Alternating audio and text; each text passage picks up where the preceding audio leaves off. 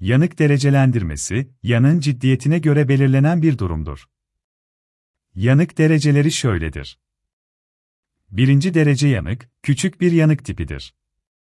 Sadece cildin dış tabakasını, epidermis, etkiler. Kızarıklık ve ağrıya sebep olur.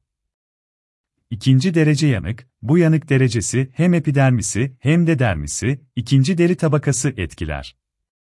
Şişmeye, kırmızı beyaz lekeli bir cilde sebep olur. İkinci dereceden yanıklar vücutta yara izi kalmasına neden olabilir. Üçüncü derece yanık, cildin altında bir yağ tabakası vardır. Üçüncü derece yanıklarda, yanığın etkisi cildi aşarak yağ tabakasına ulaşır. Bu yanık tipi, sinirleri yok ederek bölgede hissizliğe ve uyuşmaya neden olabilir. Acil müdahale gerekir. Dördüncü derece yanık, bu yanık tipi, kemik ve eklemlere kadar işleyen yanıklardır. Acil müdahale gerekir. Derin yanıklarda ayak, el, kalça, kasık gibi bölgelerde vücudun geniş bir alanını kaplayan yanıklarda. Cildin kösele gibi görünmesine sebep olan yanıklarda. Siyah, kahverengi veya beyaz lekeli yanıklarda. Kimyasal ya da elektrikten kaynaklı yanıklarda. Solunumda ya da hava yolunda oluşan yanıklarda. Hemen tıbbi müdahale gerektiren durumlardır.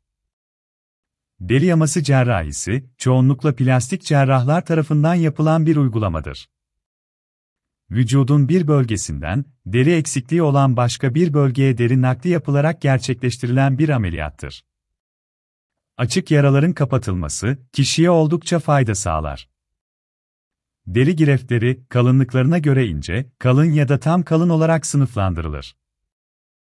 Derinin alındığı bölgede yara kendiliğinden iyileşir.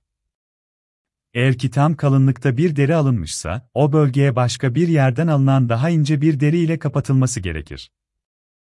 Bazı yaraları kapatmak için sadece deri yamaları yetmez, bunlar için daha komplike cerrahi işlemler gerekir. Bazı durumlarda da yaranın deri yaması tutacak hale gelmesi için bir süre alternatif yöntemler kullanmak gerekir.